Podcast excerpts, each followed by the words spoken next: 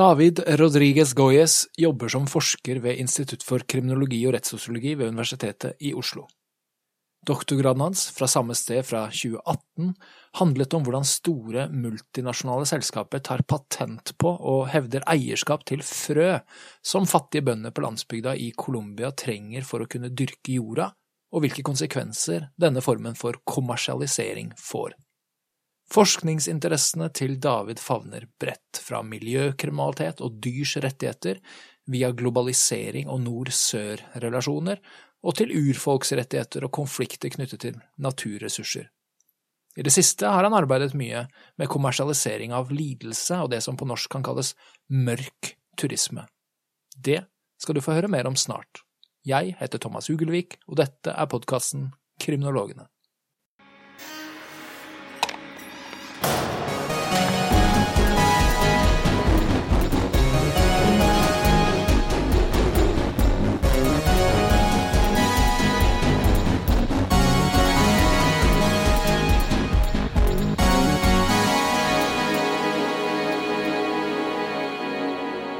David eh, Goyes, velkommen til podkasten Kriminologene. Takk for invitasjonen. Er du en kriminolog? Jeg er en kriminolog. Hva, hva, betyr det for deg? Jeg har tenkt ganske mye på det. Fordi jeg har hørt på de forrige podkastene. Altså, hva, hva, hva, betyr det? Altså, for meg betyr det to ting. Eh, så for det første betyr det virksomhet. Det som man gjør til daglig.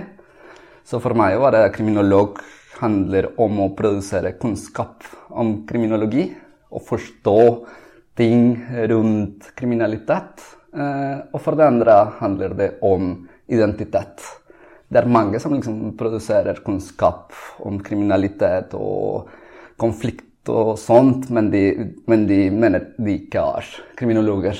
Og det er ikke lov på en måte å si at de er kriminologer, men jeg selv identifiserer meg som kriminolog, og jeg produserer kunnskap om, om, om, om konflikt og kriminalitet og sånn, så derfor mener jeg at jeg er en kriminolog.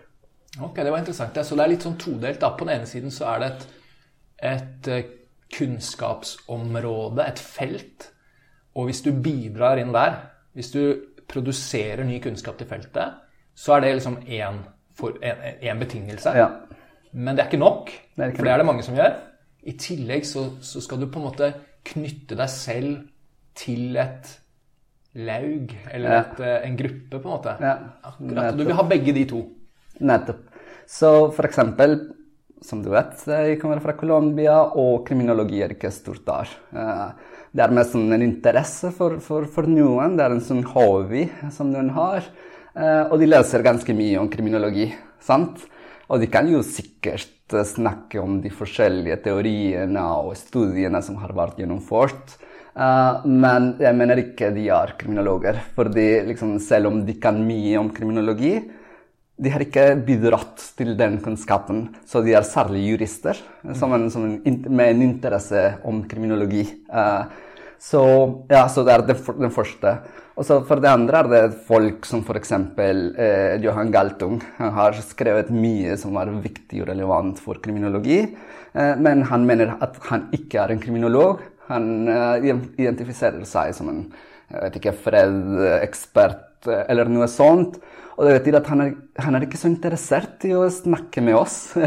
Han sier Jeg snakket med han en gang, og han sa nei, jeg mener at kriminologi er litt utdatert og sånn. Så, som betyr at han leser ikke kriminologi, så han er ikke så interessert i kriminologi. Derfor liksom man kan ikke tvinge ham til å, til å være kriminolog og prate med oss. Ja, ok, så det er interessant. Du trekker jo frem en figur som, som kanskje ikke så mange i Norge identifiserer med kronologifaget, men selvfølgelig fredsforskeren Johan Galtung. Men han begynte jo som fengselsforsker mm. eh, i sin eh, skal vi kalle det pure ungdom når han var eh, satt inn i Oslo, ja. Oslo, kretsfengsel den gangen som militærnekter og måtte skrive Eller skrev om det, da. Mm, nettopp. Eh, ok, sånn at eh, Så hvis så, så, så, okay, Sånn at det fins eh, i Colombia Eh, så fins det en del jurister som eh, holder på med disse temaene på mange måter. Er interessert i det, har det som en hobby, men de skriver ikke i kronologiske tidsskrifter. De deltar ikke i kunnskapsproduksjonen. Nei. Men det kunne man jo tenke at noen av de bare begynte med, da, fordi at hobbyen ble så stor og viktig for dem. Eh, men så er det samtidig heller ikke en, et miljø. Nettopp. Det fins liksom ikke en, eh, en, eh, noen rollemodeller og noen forbilder som vi er kriminologer, på en måte. Det er ikke så lett for de å, å si det. Ja. Så de har på en måte Ja, da kunne man jo lett tenke at noen begynte med det. Men at det var vanskelig å kalle seg kriminolog likevel, for det fins ikke liksom et miljø av kriminologer. Du ville vært alene, på en måte. De vil sikkert kalle seg kriminologer, men jeg mener ikke de er kriminologer, for de er ikke noen som bidrar med kunnskap. Eh, Så er liksom min Der terskelen går for meg. eh, At, at man må bidra aktivt med kunnskap. Eh, Fordi, ja, Det er forskjellige måter å tolke hva, hva det å være kriminolog betyr. For meg handler det ikke om hvor jeg gjør, Jeg kan gjøre et annet sted. Jeg kan gjøre, si f.eks. Eh, privat med noe som ikke har med kriminologi å gjøre. Men hvis jeg til, bruker mange timer hver uke med å produsere kunnskap om det, jeg mener ok, jeg er kriminolog. Jeg identifiserer meg selv som kriminolog, og jeg bruker min tid eh, til å produsere kriminologi. Ok. eh, ja, fint. Dette, dette var jo en veldig sånn klar eh, todelt eh, definisjon. Og du treffer liksom du, du tikker begge boksene, for å bruke dårlig norsk. Ikke sant? Du sier 'jeg produserer kunnskap', og 'jeg identifiserer meg'. Du er begge deler. Kan du, eh, kan du fortelle veien din eh, frem dit? da? Hvordan kom du inn i kriminologifaget? Ja, det er litt kranglete vei, egentlig. Fordi jeg, jeg, jeg er utdannet jurist. eh, Så jeg tok en femårsprogram i jus. Eh, Jeg tok en master i strafferett. Og så jeg begynte å praktisere som jurist. sant? Så jeg begynte å forsvare folk som har blitt tatt av politiet pga. Uh, russproblemer, rustematikker. Uh, så jeg jobbet med det i et år, uh, men det var, både, det var litt både farlig uh, Jeg fikk eh, trusler pga. det. Og litt frustrerende, fordi rettssystemet i Colombia funker ikke så bra. Eh, Så jeg brukte ganske mange timer til å forberede det som jeg skulle si. Og plutselig, da jeg var i retten, det var ingen som hørte på meg, for det, det, burde vært tre dommere, og det var bare én, og den leste på avisen og sånt. Så var det liksom, ok, det, dette funker ikke. Så da tenkte jeg ok, jeg trenger en annen måte til å hva skal jeg si, forstå samfunnet og prøve å endre litt. Eh, så jeg tenkte ok, det første som jeg må gjøre, er å forstå rettssystemet. Eh, og det var da jeg tok en master i rettssosiologi. Eh, og, jeg var veldig fokusert på, på strafferett. Um, da jeg tok den masteren, eh, jeg ble særlig interessert i kriminologi. Jeg begynte å oppdage kriminologi, og, og, og det var også pga. noen forelesere som snakket mye om kriminologi. Uh, ja, så, så det var liksom da uh, Jeg har vært interessert i kriminologi fra før. Da jeg, da jeg studerte jus, f.eks., vi hadde et emne som var kriminologi. Uh, Jeg var i førtelstrekket å faktisk. Fordi, ja, for forskjellige grunner. Eh, Men, men jeg, er veldig opptatt av, av, av å forstå av sosiologi på en måte, konflikter, hvordan man skal forstå det som skjer i verden, alle disse konfliktene. Um, og jeg måtte, jeg måtte jobbe med noe sant for å, for å overleve. Og jeg fikk en jobb i en institutt for genetikk uh, som har ikke noe å gjøre med kriminalitet, med sånne typiske konflikter som vi studerer innen kriminologi. Men det handlet om De, de, de, de, trengte en jurist for å hjelpe dem med juridiske temaer. sant? Og så en, en natt fikk ikke sove fordi jeg tenkte ganske mye ok, dette er en vanskelig situasjon. Jeg, jeg vil lære mer om kriminologi, men samtidig har jeg en jobb som handler om genetikk og naturressurser og sånn, så jeg begynte å google hvordan man kan eh, kombinere begge delene. Eh, og det var da jeg fant eh, noen artikler fra Ragnhild Solund. Eh, jeg tok kontakt med henne gjennom e-post fordi jeg har noen spørsmål. Jeg ville, ja, jeg, ville lære mer om det. Og jeg var veldig overrasket da hun svarte på postene mine. For det er ikke vanlig i Colombia i hvert fall at en professor svarer til en sånn helt tilfeldig person som tar kontakt. Og så hun svarte lang. Så vi begynte å samarbeide på en måte. Jeg, jeg ønsket å fortsette å, å, å, å lære. Så jeg, så jeg Jeg sa til henne kanskje du kan lære meg litt mer om kriminologi, hvordan man kan forske og sånt, og jeg kan hjelpe deg hvis det er noe som jeg kan gjøre for deg. Og så hun sa ja, jeg er veldig interessert i å, eh, å forske på handel med truede dyr. Så hvis du kunne ha gjennomført noen intervjuer, eh, vi kan samarbeide litt. Jeg, jeg tilba gjøre det gratis, men hun er fin, og hun betalte meg, osv. Og det var da det begynte egentlig med kriminologi, og så etter hvert jeg kom til Norge for å ta ph.d. i kriminologi her på IKRS. Sånn at du fant på en eller annen måte via et nesten liksom tilfeldig Google-søk eh, frem til professor Ragnhild Solund, som er professor i kriminologi her i Oslo, og, og, og, det viste seg at hun på en måte hadde en eller annen interesse som kombinerte veldig egentlig perfekt det som var din hobby og din jobb på det tidspunktet? da? Det er nettopp det. Det er nettopp det. Det var mange tilfeldigheter, kanskje. For det, det er både den kombinasjonen uh, som, som, passet sammen med den naturressursene som jeg måtte jobbe med, samtidig med kriminologi, som har blitt min interesse. Uh, det passet for henne òg. Og så hun snakker spansk, hun er interessert i Latin-Amerika, så det er liksom mye som, som uh, ja, som, som, fungerte sånn at vi kunne komme til Norge. Ja. Og, da, og da, ble jo din interesse liksom fra starten av eh, der eh, dette som har blitt kalt grønn kriminologi, som Ragnhild eh, har vært en av de veldig sentrale bidragsyterne til også. Um, jeg tror mange av de som hører på denne podkasten, vet noe om grønn kriminologi. Jeg tror kanskje en god del ikke vet så veldig mye. Eh, og så tror jeg noen tror de vet en del, men at de kobler det veldig tett til eh, fenomenet dyrevelferd. Kan du si litt mer? Hvordan, hvordan står det feltet grønn kriminologi i dag? Hva er det for noe? Grønn kriminologi er et ganske bredt felt, egentlig. Så det handler ikke bare om dyr. Dyr har en av våre interesser, men det er mye mer uh, enn det. Så det handler om alt som har med konflikt og natur å gjøre. Så f.eks. det kan være at det er to grupperinger som vil eie samme land, og de kommer i konflikt over det landet. Det faller også inn i grønn kriminologi. For det er, liksom, det er, det er en, en konflikt over naturressursene. Det er andre som er så klart interessert i, i dyrerettigheter, dyrevelferd osv. Det er også veldig viktig. Det er en sterk, sterk del av grønn kriminologi.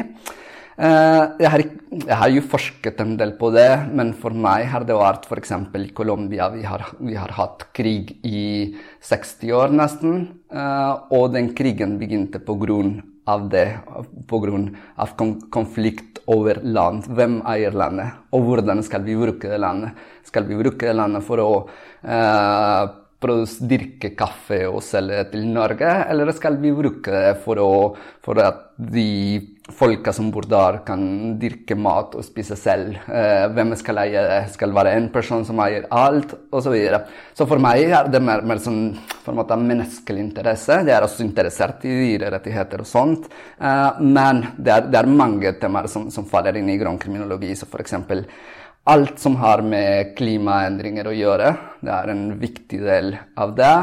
Eh, sosiale bevegelser, f.eks. Det er også veldig interessant, fordi akkurat nå det er mange forskjellige sosiale bevegelser som, som kjemper for eh, natur, for, eh, mot eh, klimaendringer, for dyrerettigheter og sånn, så vi er også interessert i å studere dem. Eh, ja, så, så, det er alt som, som, har litt eller noe med natur å gjøre, det faller inn i, grønn kriminologi. Mm. Mm. Jeg tenker på, Vi hadde jo en uh, veldig sånn tidlig representant i norsk kriminologi, Jan Georg Kristoffersen, uh, som skrev det, det vi, kaller, vi, må kalle grønn kriminologi før grønn kriminologi fantes, på en måte, da, mm. på 80-tallet. Og, og, og, skrev om forsøpling på havet, og hvordan, hvordan skip bare liksom kastet søppel rett over bord i internasjonalt farvann. Sånn husker jeg jeg leste det ganske tidlig i min karriere. da. Vet ikke om det arbeidet er noe du kjenner til? Nei, jeg kjenner ikke det, men jeg ble veldig interessert. fordi Jeg skrev en artikkel som heter akkurat sånn. 'Green Criminology for Green Criminology'. Eh, fordi det finnes ganske mye som faller inn i grønn kriminologi.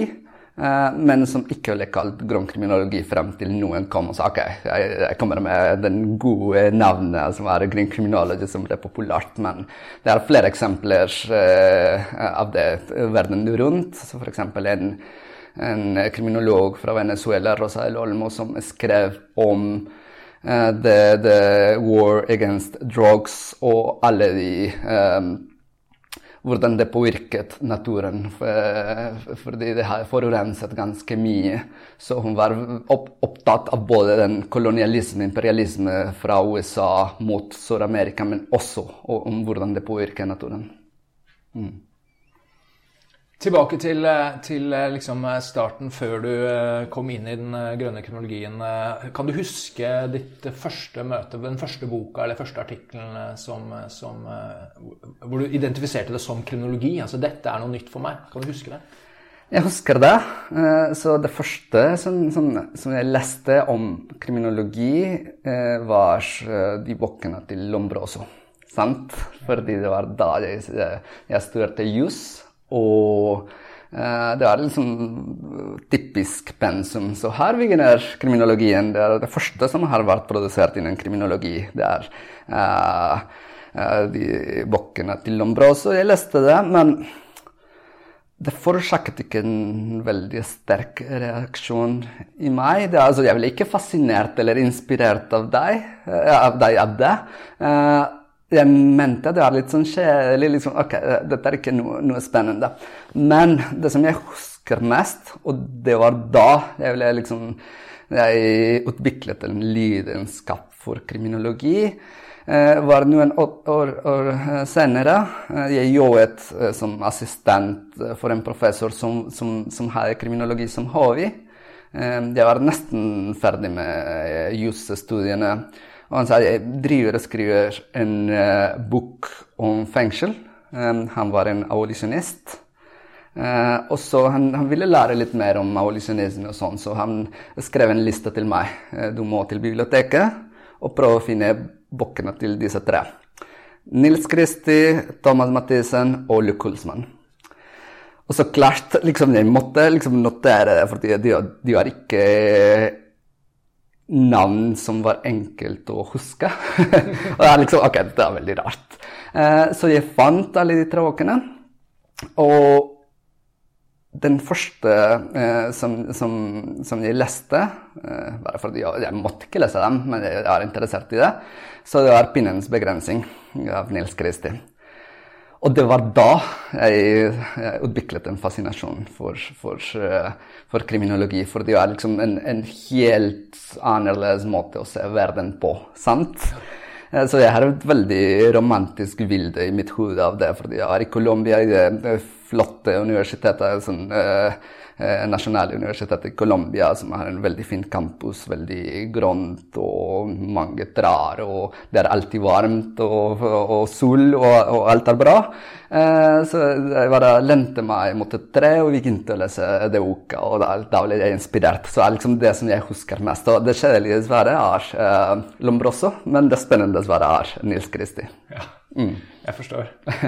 eh, ja, og det, og det, er jo en sånn gjennomgangstema eh, at eh, i denne podkasten at Nils liksom har hatt, noen sånne, hatt sånn, sånn evne til å, til å, snu ting på hodet eh, så radikalt at folk liksom har opplevd at de, at de ser verden med på en måte nye briller plutselig når de får den, en av bøkene hans i hendene. Og at de kan huske hvor de var hen, også er flere som sier. Mm. Så eh, interessant. Og det var en spanskspråklig versjon, det, da? Det er en spanskspråklig versjon. Um, og jeg har, jeg har, tenkt ganske mye på hvorfor Nils Kristi skaper den reaksjonen hos mange. Og jeg er også veldig interessert i skriving. sant? Uh, så, så, det fins en del bøker som handler om hvordan, hvordan skrive på en måte som andre husker det som man har sagt. Og han var ekspert i det, sant? Så det er noen retningslinjer. Så du må skrive korte setninger, du, kommer, du må komme med overraskelser. Liksom det, det, det, sterkeste må komme først. Eh, og så liksom du må snu ting på hodet og sånn. Så, så, men det er, det er det er lett å si det, men det er ikke enkelt å gjøre det. Uh, ja, så, og det var, en, det var, litt overraskende at det, det, det fantes den, en, en, den boka på spansk, men han har besøkt Colombia og flere latinamerikanske land uh, i 80-tallet, og 70-tallet. Mm. Og det er på en måte en kobling mellom det å kunne skrive på den måten, som selvfølgelig er de færreste forunt, men man kan alltid aspirere og, mm. og forsøke. Eh, men å skrive på den måten som, som, gjør at det setter et eller annet eh, avtrykk i folk, da, at, at, at, det, treffer folk, og det å kunne eh, skape noen effekter da, og, være, og, og være konstruktiv. For at eh, ja, det, er, det, er, sikkert mulig å skape effekter uten å kunne skrive godt, men det hjelper åpenbart veldig eh, i vår bransje hvis man har noen mål eller noen eh, ambisjoner utover, eh, ut i samfunnet, liksom, og kunne kommunisere godt. da. Eh, kan du si litt om dine ambisjoner eller mål med forskningen? Du, hva slags tanker gjør du deg om begrepet innflytelse? ja, det er et veldig godt spørsmål. Jeg tror at det her på en måte, det har vært samme ambisjon som jeg har hatt som jeg har alltid hatt, men samtidig har det forandret seg litt. sant?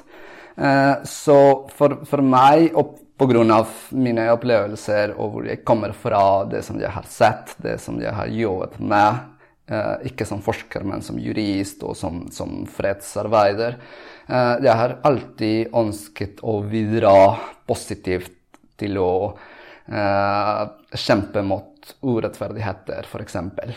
Så, så jeg har sett krig, og jeg har sett all mulig. Jeg har selv opplevd å bli eh, truet med skytevåpen flere ganger i mitt liv, eh, og det er ikke noe fint. Eh, og, så, og, jeg har sett hvor, hvor, hvor mye folk lider pga. det.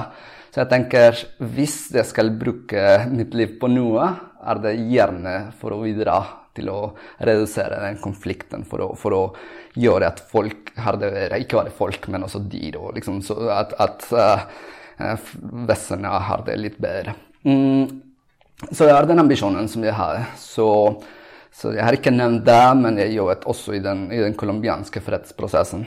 Så jeg reiste rundt Colombia uh, i to år, kanskje, og så Norge var med i den prosessen, sant? der vi dro både økonomisk og politisk og med ekspertise og alt. Mm. Og det som jeg gjorde, var å intervjue ofrene. Jeg intervjuet uh, geriljas, paramilitares, alle som var med i konflikten. Uh, og det var veldig tidlig, det målet. Det var å bidra for, for at konfliktene skulle ta slutt. sant? Uh, og samtidig, det var, det var samme periode hvor jeg skrev første kapittel som jeg har noensinne gitt ut. Så det var liksom parallell prosess. Og med, målet med, med, det kapitlet var å også bidra og, og forstå eh, konflikten, sånn at man kunne eh, løse den, den konflikten. Så, så, det er noe som, som, for meg går parallelt. Man må forstå noe, sånn at man kan gjøre noe med det. Og det er på en måte min tankegang har blitt jeg kan kalle det sånn litt modigere. Eh, fordi eh, jeg forstår mer og mer at jeg må eh, være en bedre vitenskapsmann for å bidra mest til samfunnet. sant? Så, så jeg vil fortsatt eh, bidra til, til, til, endringer i samfunnet. Eh, men samtidig vil jeg være sterk, eh, gjøre sterk eh, vitenskap, sånn at man forstår bedre.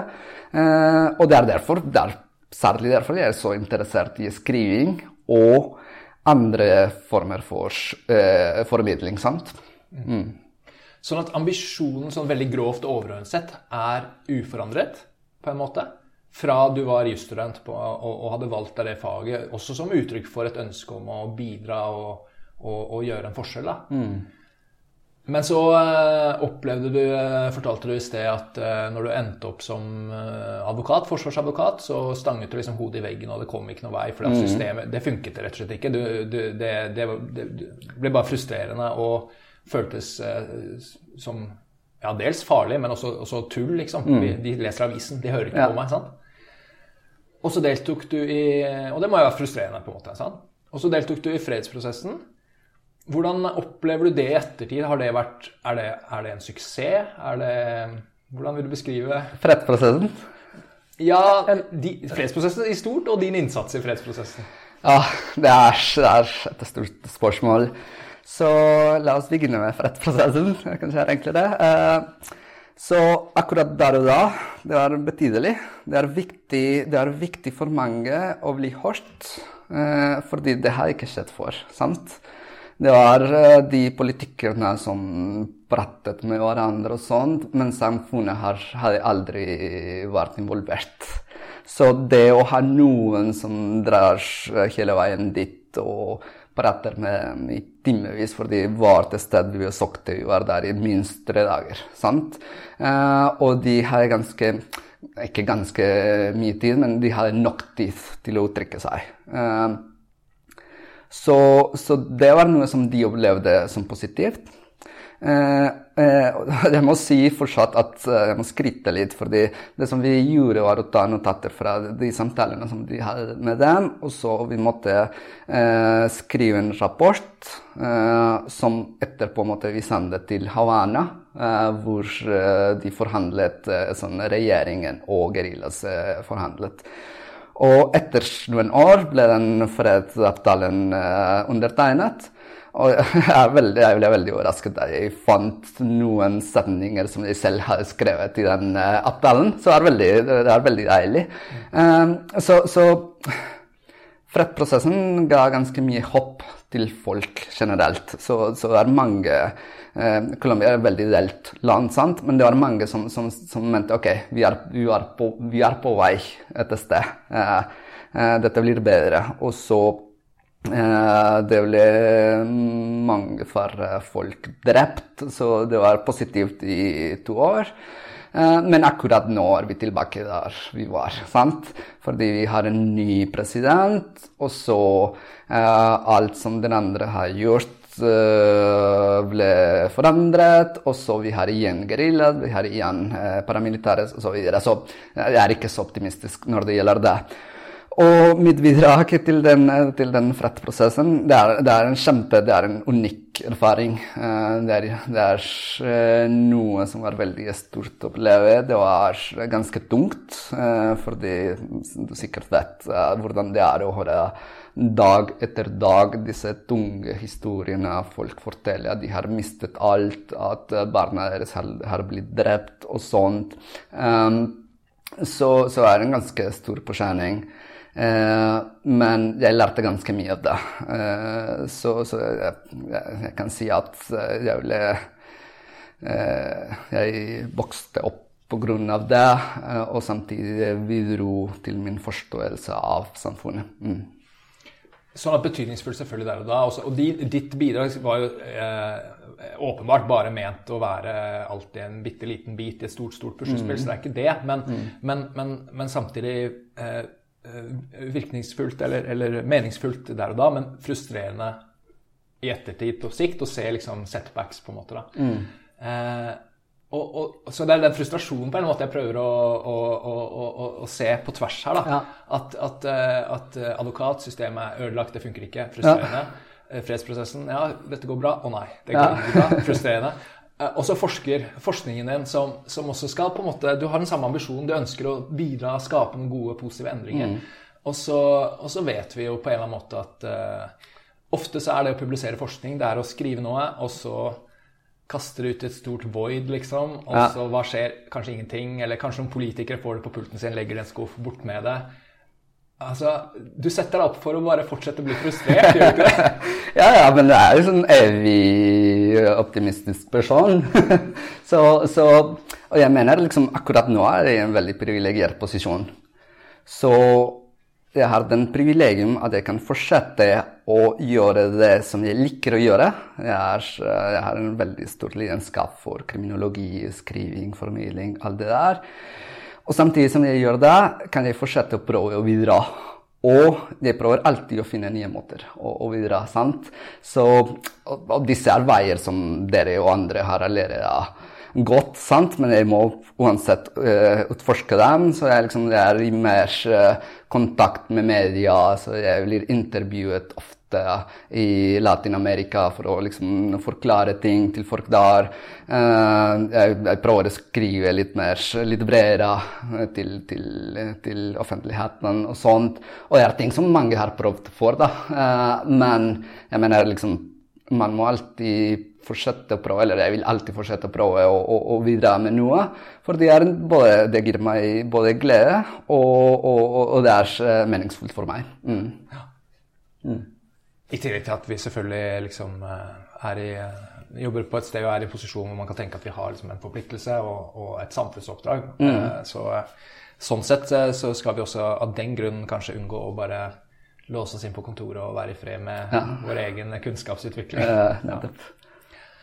Um, sånn som du uh, uh, kjenner uh, Du har jo etter hvert blitt en norsk kriminolog, kan man si. Da. Ikke bare en kriminolog. Du har jo vært der i mange år. Og, du, og, di, og din kriminologiske forskningsvei har jo, har, gikk jo ganske raskt via Ragnhild Solund til, mm. til, Norge, på en måte.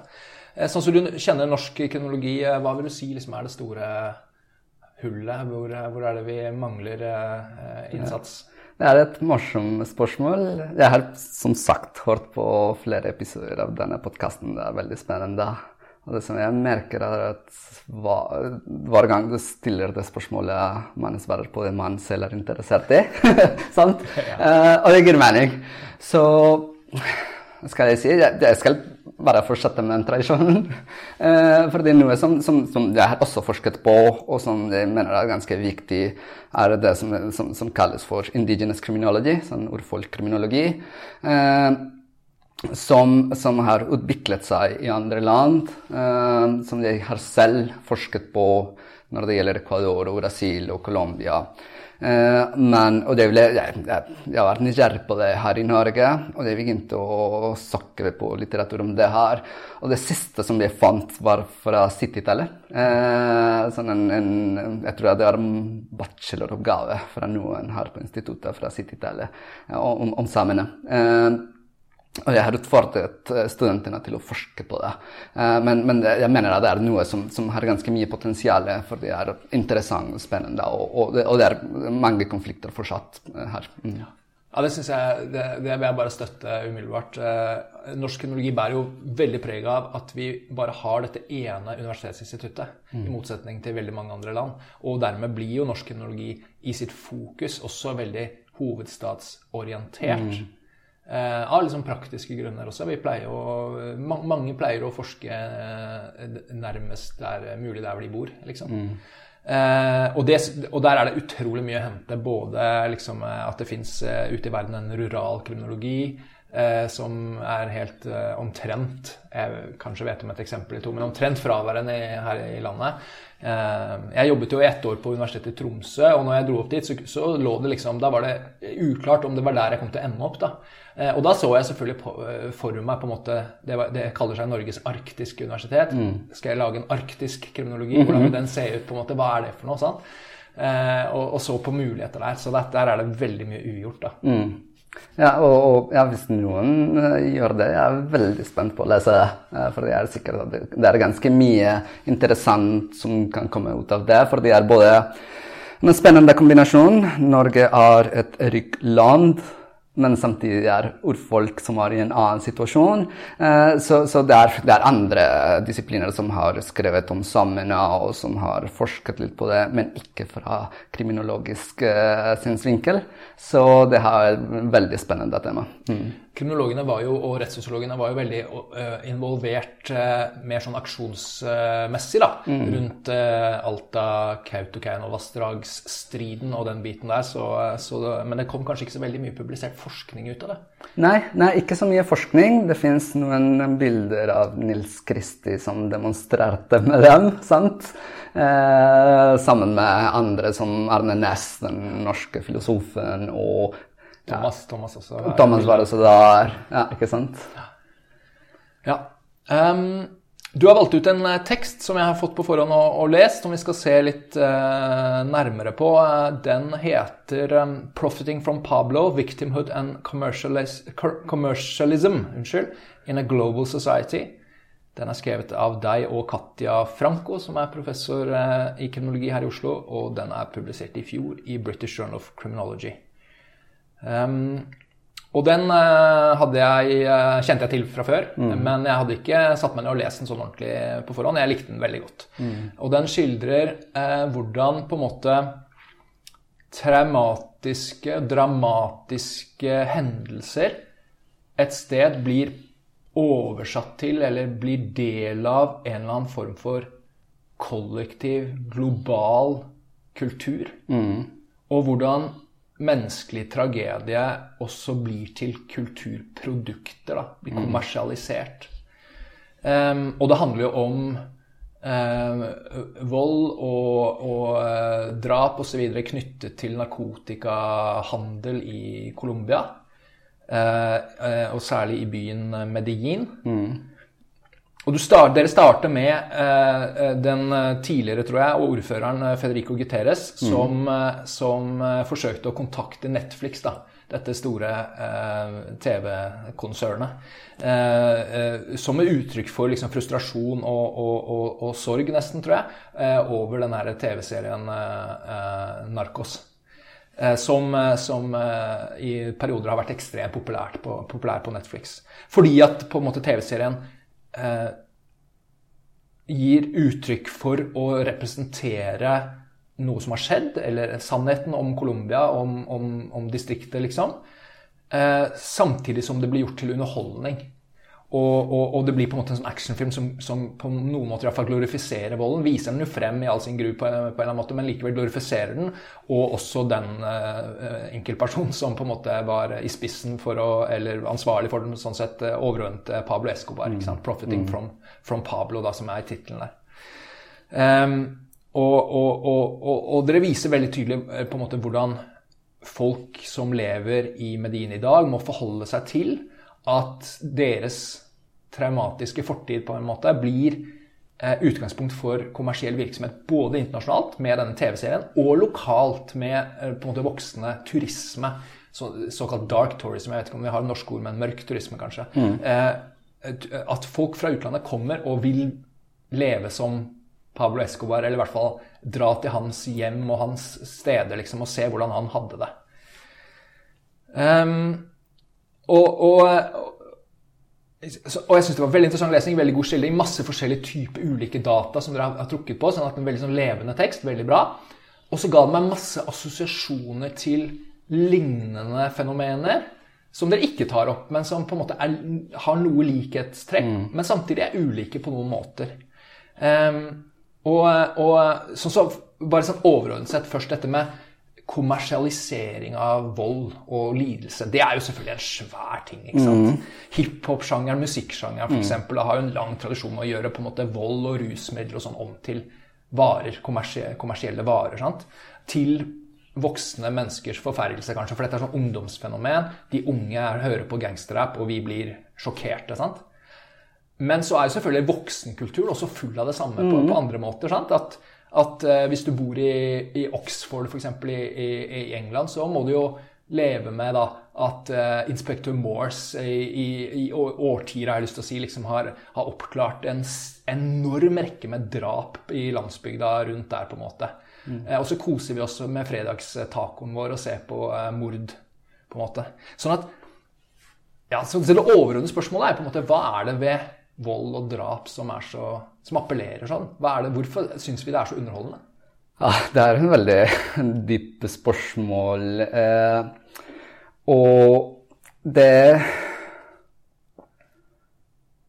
det det, som vi Vi forsket ikke akkurat på den fascinasjonen. Eh, eller jo, vi forsket litt på den fascinasjonen.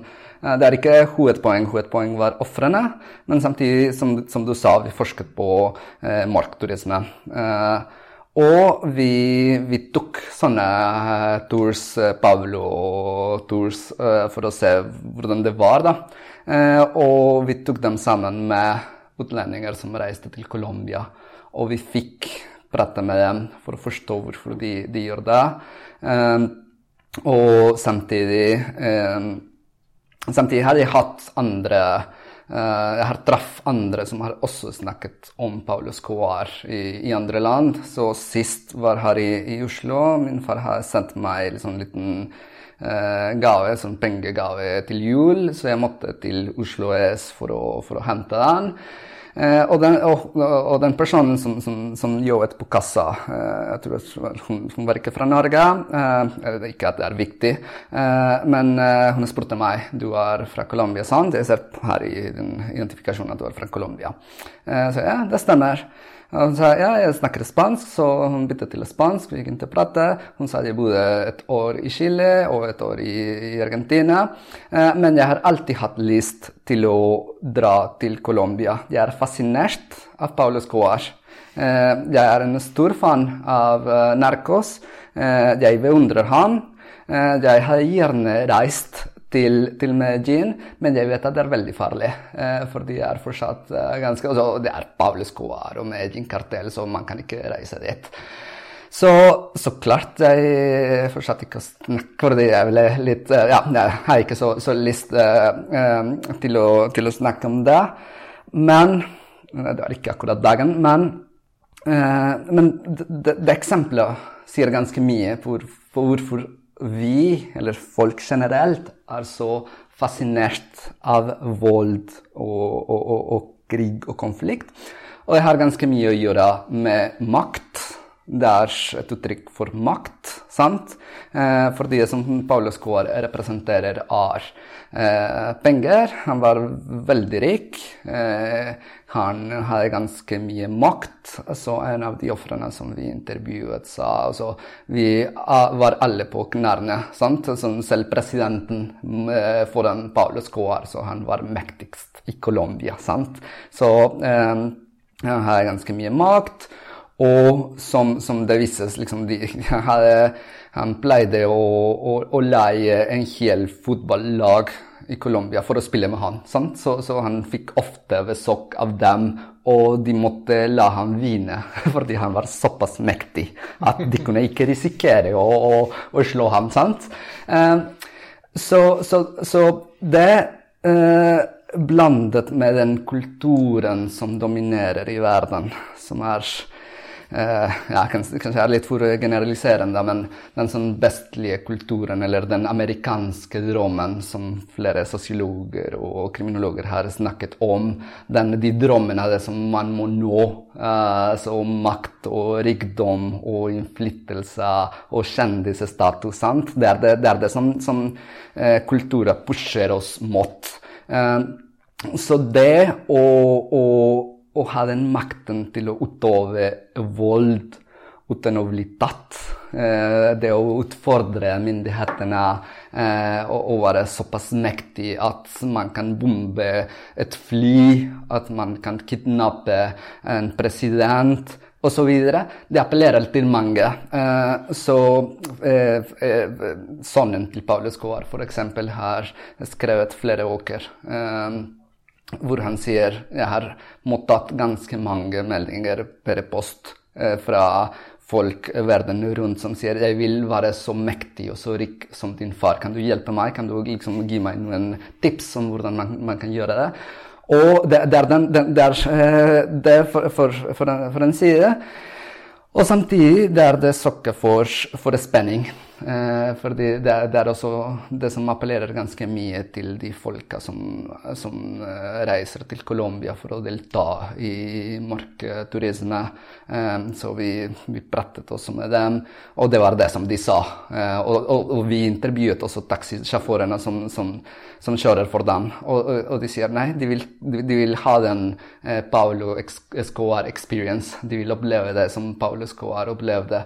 Eh, så, så, det er en, en måte å, å, komme seg ut av hverdagen, eh, oppleve noe annerledes, og da reise tilbake til hverdagen. Mm. Mm. Fordi at det er jo altså eh, Det her fascinasjonen vår, eh, eh, som er en sånn type mørk fascinasjon for, eh, som, som, alle mennesker, eller veldig mange mennesker, har for, eh, for vold, drap osv., som gjør det til en mer sånn nesten altså en form for underholdning som fins overalt, mm. og som vi gjør til en type fredagskveld-kos. ikke sant? Eh, det er noen forskjeller her, for, for, for, for Inspektør Morse reagerer vi jo ikke på på samme måte.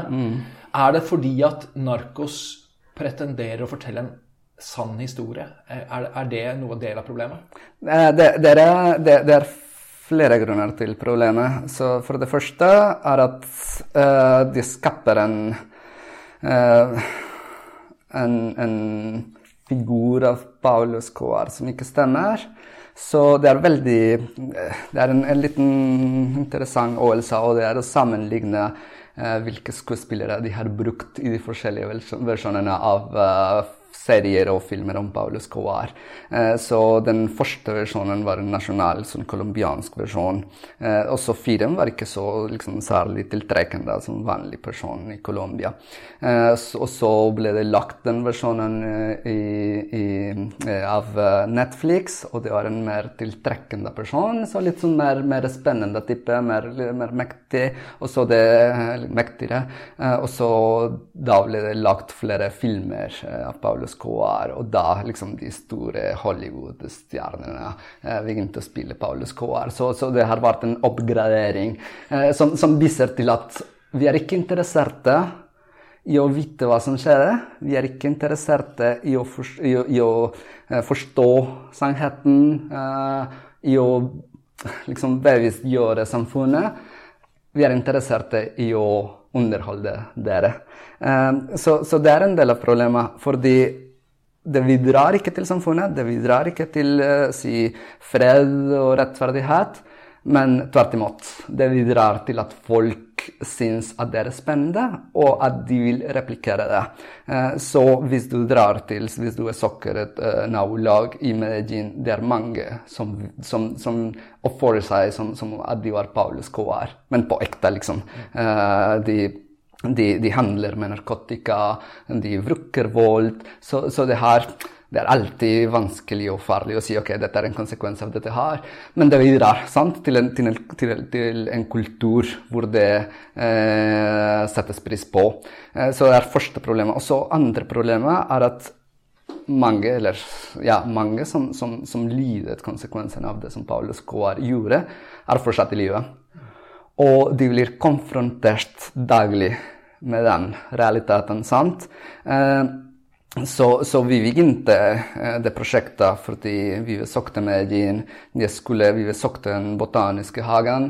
Jeg skulle kjøpe noe eh, der. Og så eh, Jeg begynte å prate med, med personen som var i kassa. og hun, sa, hun begynte å gråte plutselig. Eh, fordi hun sa det, det, Hun sa det, var eh, noen utlendinger som kom hit og egentlig spurte meg om hvor, hvordan de kan finne ting om Paulus Coar. Eh, eh, liksom, hva, hva, slags ting de, de, de, kan se, hvor de kan treffe broren til Paulus Coar. Eh, og en, eh, et, et hvis jeg ikke husker feil, det var onkelen hennes som har blitt drept av Paulus Coar. Så er det liksom veldig sjokkerende at det skjer hele tida. Mm. Uh, og liksom det er en annen som sa uh, min bror, nei, min far ble drept av Paulus Coar, og jeg ser folk som går rundt med en T-skjorte med uh, fjeset til Paulus Coar der. Ja. så det er alle sånne ting som, som, er veldig problematiske, fordi de lever fortsatt med en trauma. Mm. Bare for å forsøke å sette oss liksom inn i den situasjonen her hjemme, så kunne man tenke seg Altså, jeg har lest i, eh, i avisen, eh, eller om det var på TV 2, at, at eh, det fins Breivik-turisme. Ikke sant? At uh, russiske nasjonalister oh. de drar til Norge og, mm. og tar bilde av seg selv på kaia til Utøya. Mm. liksom, ikke sant? Og det må vi kanskje leve med, da. At det mm. fins noen uh, grupper der ute som idoliserer Breivik, og som har lyst til å mm. dra til Oslo og til Utøya, eller kaia i hvert fall, for å for å oppleve disse stedene. Mm. Men tanken om en organisert Breivik-tour, hvor, hvor, man eh, inn på en buss og blir fraktet til Breiviks gamle hjem og ut til eh, Utøya og ta bilder altså, Det er jo absurd. ikke sant? Mm. Det, jo, det, ville jo vært selvfølgelig et ramaskrik. Ikke sant? Og jeg visste, visste ikke om det. Fordi det er et veldig bra eksempel og en veldig bra måte å, å, å, å forstå hva det betyr for ofrene i Colombia òg, for det er ganske forferdelig å måtte oppleve det. Eh, og som du sier, det at det er organisert, det er ganske absurd. Og det fins flere museer om Paulo Escobar. Og, og tittelen på artikkelen, 'Profiting from Paulo', kommer fra en uh, Colombia turismguide, sant? Uh, så hva kan du besøke i Colombia? Du kan uh, bare ta Paulus Coar-tur. Så det er såpass organisert og såpass etablert at det finnes til og med de walkene som man kan shoppe før man reiser til et land. og samtidig, det som er problemet, er at det ble liksom en, en, en global opplevelse gjennom Narkos. Eh, og, og, noe som jeg likte, det, som du sa i stad, er at man kan bare Det er en fredag, og så det blir sånn uh, Netflix og chill, sant? Så man tenker ikke så mye på det. Ok, hva skal vi se? Vi bare vil slappe av og bli underholdt, så ok, la oss se på Narkos. Og folk flest tenker ikke på den andre siden av historien. Uh, de som ligger bak. De, de som har, uh, som har uh, vært ofre for, for Paulus K.R. og det er det, det er det, tilbake til det som vi snakket i begynnelsen, det er det som fascinerer meg så mye av kriminologi. At det, det har med hverdagen å gjøre. Sant? Så hvis man forstår det, skal man oppføre seg på en litt uh, annen måte. Uh, og det er, det, er også, det, er, er, derfor det handler om identitet. Uh, ja, men det er, det er, en stor fascinasjon for Paulus Coar, for vold. Eh, og det har med, med eh, at vi lever i en forbrukssamfunn òg. Eh, så er mange, det er mange tematikker som er blandet inn i det. Og det er derfor vi nå utvikler og skriver en bok for å fortelle for noe, hele historien, eller eh, så mye som vi kan. Mm. Jeg kommer tilbake hele tiden til at det er, annen, det er et eller annet med sannhet her også. Eh, fordi at eh, Um, ta eksempelet The Wire, da. Mm. Uh, i, i, noen år så var jo det på en måte den mest sette eller viktigste TV-serien uh, i, i, store deler av verden, i hvert fall. Og den maler ut bilde av Baltimore, byen Baltimore i USA, som er veldig dystert, veldig mørkt. ikke sant? Mm. Og, og, Baltimore blir jo på en måte det dere kaller en deviant city. Mm. Eller en, eh, man kan på norsk ha sagt en ødelagt by i en viss forstand. sant? Uh, men men uh, The Wire pretenderer jo å fortelle en historie som er realistisk, og som er sann på den måten at den kunne ha skjedd. liksom. Altså Den, den uttrykker situasjonen i Baltimore. Mm. Men den skal ikke gjenskape sanne hendelser. ikke sant? Det er, ikke, det er jo karakterer. Det er jo mhm. fiksjon på den måten. Så, så, så, den skal eksplisitt ligge veldig tett opp til virkeligheten, men være fiksjon. ikke sant? Og hvis du drar til, eh, til, New York eller New Jersey, da, så kan du dra på sånn Tony Soprano-tour rundt om i, eh, i, New Jersey og se på disse stedene. Men det er også en fiksjonskarakter. da. Tanken er jo at han kunne ha eksistert, mm. men akkurat den personen Tony Soprano fins ikke. Han er mm. sammenkoblet av forskjellige virkelige mennesker. Sant? Mens her har vi å gjøre med virkelige personer. Mm. Som, og de skal gjenskape angrep på virkelige mennesker. Og det må jo være, det må oppleves på en helt annen måte. Altså det, er med, det er noe med sannhetspretensjonen som drar det til. da. Ikke sant? Absolutt. Og det er, det er, diskusjonen om hvem som får lov til å skrive sannheten.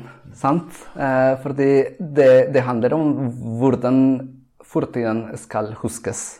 Eh, og vi vet hvor viktig det er eh, hvordan eh, fortiden huskes for fremtiden og for nåtiden osv. Og, eh, og det er den, den uh, urettferdigheten rettferdighet i at det var de mektige globale aktorer som får lov til å fortelle sannheten. I dette tilfellet Netflix uh, gjennom Narcos. Det er de som sier ok, dette er det som skjer. Uh, det var USA som reddet Colombia. Vi sendte liksom en spesialagent uh, som var sånn type James Bond og sånt. Han jaget på Paulo Escobar og så videre. Uten å fortelle hele historien, hele sannheten bak det som skjer i Colombia. og det er det som har mest innflytelse, til og med i Colombia. Sant? Eh, for det er ganske mange i Colombia, særlig de unge, som ser på, på Narcos for å forstå det som har skjedd i Colombia, krigen i Colombia. Eh, og det er, det er, hvordan vi skal bygge et land hvis vi ikke husker det som skjer. Og det som vi husker, er, er gjennom en serie som Narcos. Eh, og det er det, det, er det som mange ofrene uttrykker. At vi har ikke hatt lov til å delta i, den, i, i å vige eh, hvordan, hvordan, dette skal, skal huskes. Så, så, ja, så det, det å det å det som har skjedd. Eh, det er ganske betydelig for et samfunn. Eh, både for liksom, eh, de, de eh, policies som de skal utvikle, men også symbolsk, som sier vi er ikke interessert i dere. Uh, vi skal ikke høre på dere fordi det har skjedd. sant? Så ofrene prøvde Det var ikke bare ordføreren som prøvde å kontakte uh, Netflix, det var også ofrene som prøvde å, kontakte Netflix. Uh, og Netflix sa nei, vi er ikke interessert i dere. familien til Paul Escobar sa dere kan bruke alt som vi har av materiale for å lage en serie. Nei, vi er ikke interesserte. Vi allerede vet historien. vi har kjøpt rettighetene fra denne CIA-agent, og det er den historien som vi skal skal fortelle, blandet med noe som skal gjøre det mer eh, tiltrekkende for, for, alle. Og det var, vi intervjuet også flere som var med til å, til å skape narko, som var Det er en annen, en annen samtale, men eh, hvordan vi fikk det til, da. Uh, men og de, de, sa akkurat det. Uh, vi var ikke interessert i å fortelle sannheten. Vi ville liksom fremstille det som om det var sannheten, men vårt mål var å tjene penger og underholde. Mm. Ja, det klarte de jo, på en måte. da. Og, og, så det, det, må være det må være en sånn veldig todelt situasjon for lokale innbyggere i Medin. fordi at på den ene siden så antar jeg at de syns det er flott at det kommer turister til området, og at uh, turismen, dere viser jo at turismen har økt og sånn, at at det kommer penger i omløp, og alt dette er bra. Mm. Samtidig som de hele tiden blir påminnet, og, og, og ikke minst selvfølgelig folk som ikke minst selvfølgelig folk som har opplevd og er pårørende eh, i, i, eh, i, denne eh, krigen, eller borgerkrigen, eller hva man skal kalle det. Men, men også, også, folk som ikke er sånn direkte berørt, men som, mm. men som, opplever at byen deres og livet deres blir liksom malt på en veldig bestemt måte. Da. absolutt. Så det er, det, er, det er, liksom De er på en måte avhengig av det, kanskje, de her taxisjåførene, for det, det er kunder. men de liker det ikke. Nei, egentlig det er De fleste mener det er dårlig gjort at, er, liksom, at noen profitterer fra det. For det er ikke sånn at de pengene som de tjener, er uh, delt i samfunnet generelt, men det er f.eks. broren til Paulus Coar uh, som, som, som, har den, den, det som, uh, som business, da. så han mottar til Og det er, det er noe som er fascinerende for meg. Det er ganske mange kriminologer som skryter av at de har intervjuet broren til Paulus Coar. Og det er ganske enkelt å gjøre. Det er bare å telle hva skal du le? 400 kroner om man, har, man får et intervju med, med, han. Men ja, det er bare for, for, den, den fascinasjonen. Uh, men ordføreren, den som, som vi nevner i artikkelen, han vant og han ble valgt som ordfører fordi han lovet å fjerne alt det der. Det var liksom hovedpoeng i, i hans periode. da. Uh, vi skal fjerne den uh, turisme, og det var mange som ønsket å, å, bli kvitt med det. Så klart det var noen som, som ønsket å fortsette med det, for de profitterte fra det. Paul Paulus Coar i sin tid han kjøpte hus til, til folk, han kjøpte bil til taxisjåfører. Så var det en taxisjåfør som jeg intervjuet, som sa nei, men altså, ja, han gjorde noen ting galt, men det gjør vi alle. Så, og han liksom kjøpte oss bil, så ja, her, her var en grei fyr. Uh, så så klart det er noen som, som vil fortsette med det, uh, men generelt i mediene akkurat nå er det ganske mange som ikke ønsker det. Og, ja, og igjen, det, det, det liksom da kommer det spørsmålet om ok, men da er det bare noen som skal få lov til å fortelle sannheten. Og jeg mener at liksom det er greit at det finnes forskjellige liksom, måter å snakke om det, men det som, som er viktigst, er bevisstheten. Det er hvis du er interessert i å se på narkos, ok, se på narkos, men samtidig som du ser på narkos, tenk på de ofrene, og hvordan du skal tolke det. Så, så jeg har ikke våget å se narko selv, fordi det gjør veldig vondt for meg. Så da jeg var 10-12, det var da vi hadde den krigen i Colombia. Jeg husker hvordan vi var, fordi det var en bombe i nærheten og sånt. Uh, Uh, men, uh, men, ja, uh, så, så, de, fleste, de fleste som opplevde det, vi er, ja, vi, vi, de ønsker ikke at, at dette her fortsetter. Mm. Med det eksempelet med broren som lar seg ville intervjue, Du peker jo på en eller annen måte på noen sånne litt ubehagelige spørsmål. Hvis vi, hvis, vi, ser oss selv i speilet plutselig, så kan det jo se litt ekkelt ut. Da, fordi at Eh, vi tjener jo begge gode penger på jobben vår, og, mm. og, som kriminologer så Folk som er kriminologer, er jo opptatt av eh, kriminalitet og, og vold og, eller eh, straff og lidelse knyttet til det. og Er ikke mm. dette en form for kommersialisering av Absolutt. Ja. absolutt. Og det var eh, det er noe som skal bli med i boka. Det var med i artikkelen, men vi måtte fjerne for forskjellige grunner. Men liksom, poenget er at tittelen er eh, 'Profiting from Paulo', så profitterer vi ikke fra Paulo, vi òg. Eh, sant? Eh, så det er et spennende tema. Og det er liksom Det kan sies at vi leker med samme den, den fascinasjonen overfor vold. Eh, det er ikke sånn at vi hadde brukt de mest makabre fortellingene som vi har samlet, eh, men vi forteller nå liksom hvordan f.eks. en eh, som var eh, dattera til eh, ordføreren som Medellin hadde da Paulo eh, Escobar var i live, eh, det som hun gikk gjennom, sant? Liksom, alle de forferdelige erfaringene som hun hadde. Så vi forteller litt, litt av det bare for å forklare og liksom eh, vise bevis på, på, det som vi eh, sier. Eh, så det er jo problematisk, og jeg mener at det er, det er måten det gjøres og Så, så da vi tok den uh, Paulus Coartur Jeg tenkte vi er, også, vi er også med på dette her, sant? vi er en del av den turismen. Eh, vi kom hit for å ta den, denne turen, så, så, vi er også der. Men jeg mener at forskjellen er hva, hva, vi vil med det, og hvordan vi interagerer med ofrene. Mm, som, som, har vært noe veldig viktig for meg. Fordi det har, det har føltes veldig feil for meg hvis vi har gjort det, dette på en annen måte. Så som colombianer, som kriminolog, jeg får mange artikler for å, for å være uh, reviewer. Uh, og det er mange som handler om gin, og de fremstiller en helt feil bilde bare for å selge den produkten. sant?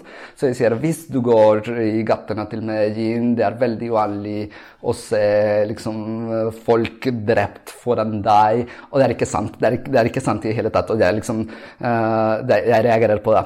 Uh, så det er derfor liksom, vi prøver å, å, å fremstille den lidelsen av ofrene uten å være sensasjonalister. Uh, og samtidig være alltid i kontakt med ofrene. Og si eh, liksom, dette er, det er dette som vi gjør. Eh, vi prøver å forklare liksom, Det er liksom vitenskapelig prosjekt, men samtidig vil prøve å bevisstgjøre folk på, på hva er det som de er med på når de støtter dark eller narkos osv. Så, videre. så Så det er liksom formålet eh, som, som, er viktig for oss. Mm. Så det er noe med måten man gjør noe på, og det er noe mm. med formålet som ligger bak. Mm. Jeg tenkte også underveis når jeg leste på, på dette med altså, Generasjoner av nordmenn nå har, har, eh, Når de var unge, gikk på skolen, så har veldig mange dratt med hvite busser til Auschwitz mm. eh, for å oppleve mm. eh, på en måte eh, det som, eh, som, er et slags museum over holocaust. da. Mm. Eh, og så har de snakket med tidsvitner og fått på en måte en mm. innføring i hvordan, eh, hvordan dette her var, og hvordan det mm. fungerte. Um, og hvorfor er det ikke dark tourism? Altså, jeg, mange, eh, jeg, tenker ikke på det som dark tourism. Hva er det som gjør at det ikke er det, liksom? Ja, mm, ikke sant? Så, så igjen, igjen hvordan, hvordan, det skal brukes, hvordan den kunnskapen skal brukes.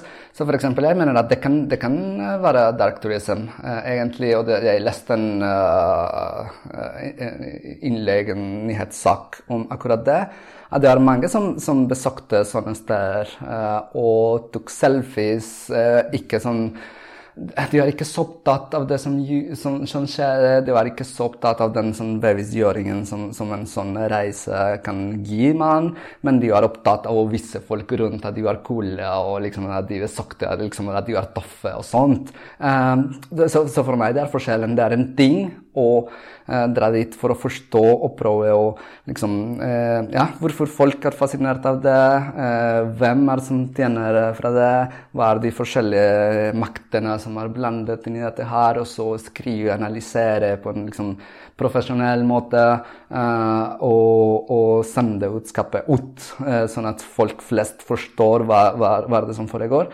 versus og eh, prøve å være populær pga. det, eh, uten å prøve å skape en, en bra forandring. En, ja, en, ekte forståelse og ja. Mm. Mm. Sånn at intensjonen som ligger bak, måten det gjøres på, mm. og også noe med eh, hvordan de som skal konsumere, eller, mm. eller, være på sånne steder, hvordan de møter det. Altså Det er noe med At selv de beste intensjoner og selv eh, ambisjonen om å gjøre noe konstruktivt, positivt, med, å, med å skape bevissthet, alt dette, det kan jo bli torpedert hvis noen plutselig begynner å Absolutt. ta selfies inne på det jødiske, jødiske museet i Berlin, f.eks. Mm. Altså at, at kommer dit med feil holdning, da. Mm, absolutt. Eh, ja. Og det er noe som, som eksempel Og det er, det er litt vanskelig. Det er mange vi, vi lever i en sånn kapitalistisk verden, sant? Eh, så, så jeg har nevnt sønnen til Paulus Kovar, som har skrevet eh, noen bøker, og, og han sier inni bøkene, eh, når man leser mitt av boken jeg, jeg, jeg har alltid sagt folk skal aldri gjøre det som Paulus Kovar gjorde, det, det som min far gjorde. Det er forferdelig. Eh, jeg har aldri gjort noe ulovlig. Vi lider pga. dette her. Eh, så det, så liksom, det er det budskapet som han sender. Og så han var, ut, har vært ute i offentligheten og sa at jeg, jeg, jeg ber om unnskyldning til ofrene. Eh, det var forferdelig, og det er tungt for meg, men jeg vil komme ut og si unnskyld. Eh, og samtidig, samme bok, eh, f.eks. den norske versjonen, når den skal selges, som man kan se i hva heter den sånn, fronten av boka, man kan se sånn en eh, eksotisk og var det som eh, avslører mange sannheter bak Paulus Coar. Så, så det er liksom sånne, sånne intensjoner som blir torpedert av sånne ting de ønsker å selge. Og så det budskapet som han prøvde å sende ut, blir helt ødelagt. Fordi det er fascinas fascinasjonen om den helten Paulus Coar eh, som folk ønsker å lese når noen sier ok, det er liksom eh, hemmeligheter og det er makt og sånt. Mm. Ja, og da, da, da skal vi bare så vidt åpne dette med uh, den her fascinasjonen for sånn true crime-sjangeren. og, eh, og på en måte uh, er det, Når er det journalistikk, og når er det kommersialisering av uh, lidelse? Og, og er det kanskje av og til begge deler? Men uh, jeg tror vi må begynne å nærme oss slutten, eh, David. Jeg har jo noen sånne ordpar som du er nødt til å ta stilling til. Ok. Em, til slutt, og det, det må du. Det er bare helt svart-hvitt, dette. Er Det er du, ikke lov å jukse og si liksom begge, eller? Nei, det blir, slått ekstremt hardt ned på. Er du klar? Jeg er klar. Kvalitativ eller kvantitativ? Kvalitativ. Kvalitativ, fordi jeg mener at det er ganske mye som tall kan ikke fange. Eh, Så alle liksom de symbolske som kvalitative studier kan ta, liksom kan forstå eh, det, det uttrykkene det som et ord betyr, liksom hvordan mening endres og sånt. Eh, Det er, mye, det er ganske mye som tall kan eh, fange. Det, det, tall er veldig viktig, kvantitative studier er viktig. Men som mennesker og som kulturelle mennesker som lever i en symbolsk verden for meg, det som er mest spennende, er kvalitativ. Avvik eller sosial kontroll? Avvik. Eh, jeg har eh, ja, av mine opplevelser jeg har alltid vært interessert i avvik, men ikke typisk avvik, men den, sånn, eh, den perspektiven som heter uh, semiology, sant? Sånn eh, harm perspective, skadeperspektiv. Eh, så, så avvik ikke nødvendigvis fra loven, men eh, fra det som, som, som er etisk riktig, og det som, eh, som forårsaker skal. Så for meg er avvik, men eh, jeg er særlig opptatt av eh, avvik fra, liksom, av de mektige. eh, eh, som f.eks. Netflix eller regjeringer eller så videre. eh, Store selskaper og sånt. Mm. Så ikke, ikke langt fra nødvendigvis kriminalitet i snever forstand. ikke sant? Det er- Ikke nødvendigvis sånn. sånn. Mm. Kriminologifaget, er, er det en vitenskapelig disiplin eller et interessefellesskap? Disiplin. Det er en disiplin for meg. Uh, igjen. Uh, jeg mener at, at det kan være interessefelt for flere, uh, men for meg er det en disiplin. Det er en disiplin fordi eh, vi, den kunnskapen som vi skaper, det er ut av den sånn, eh, vitenskapelige metoden, for liksom de beste metodene som, som vi kan bruke. Eh, vi har konferanser, vi har liksom en, en, en, en gjeng for å diskutere som, som, som eh, vi driver med på en ikke på, på en liksom profesjonell måte. Vi på en måte vi er profesjonelle. Vi lærer ut av dette her, her. sant? Vi blir, blir betalt for å skape kunnskap om kriminalitet. Eh, så for meg er det helt klart en disiplin. Mm. Vitenskap eller politikk? Ja, vitenskap. Absolutt. Um, så, og, det, er, det, er, noe som uh, du og jeg har snakket i, i fortida nå, og det er noe som liksom kommer hele tiden når vi, når vi driver med ting som pårører uh, samfunnet. Er det, er, hvor det er vitenskap, eller hvor det er politikk. Og jeg mener at det, det som er viktigst, er at det er vitenskap Eh, og som jeg har sagt gjennom hele intervjuet, jeg, jeg, vil bidra, jeg vil påvirke, men jeg vil at jeg har en solid eh, grunn til å bidra og til å påvirke. sant? Så er det ikke bare si for å si, og liksom at jeg har en eh, konklusjon på forhånd, men jeg må forske eh, skikkelig hardt og samle mye data for å forstå dypt noe, for å da prøve å bidra eh, til samfunnet. Mm. Skal forskningen være viktig eller morsom?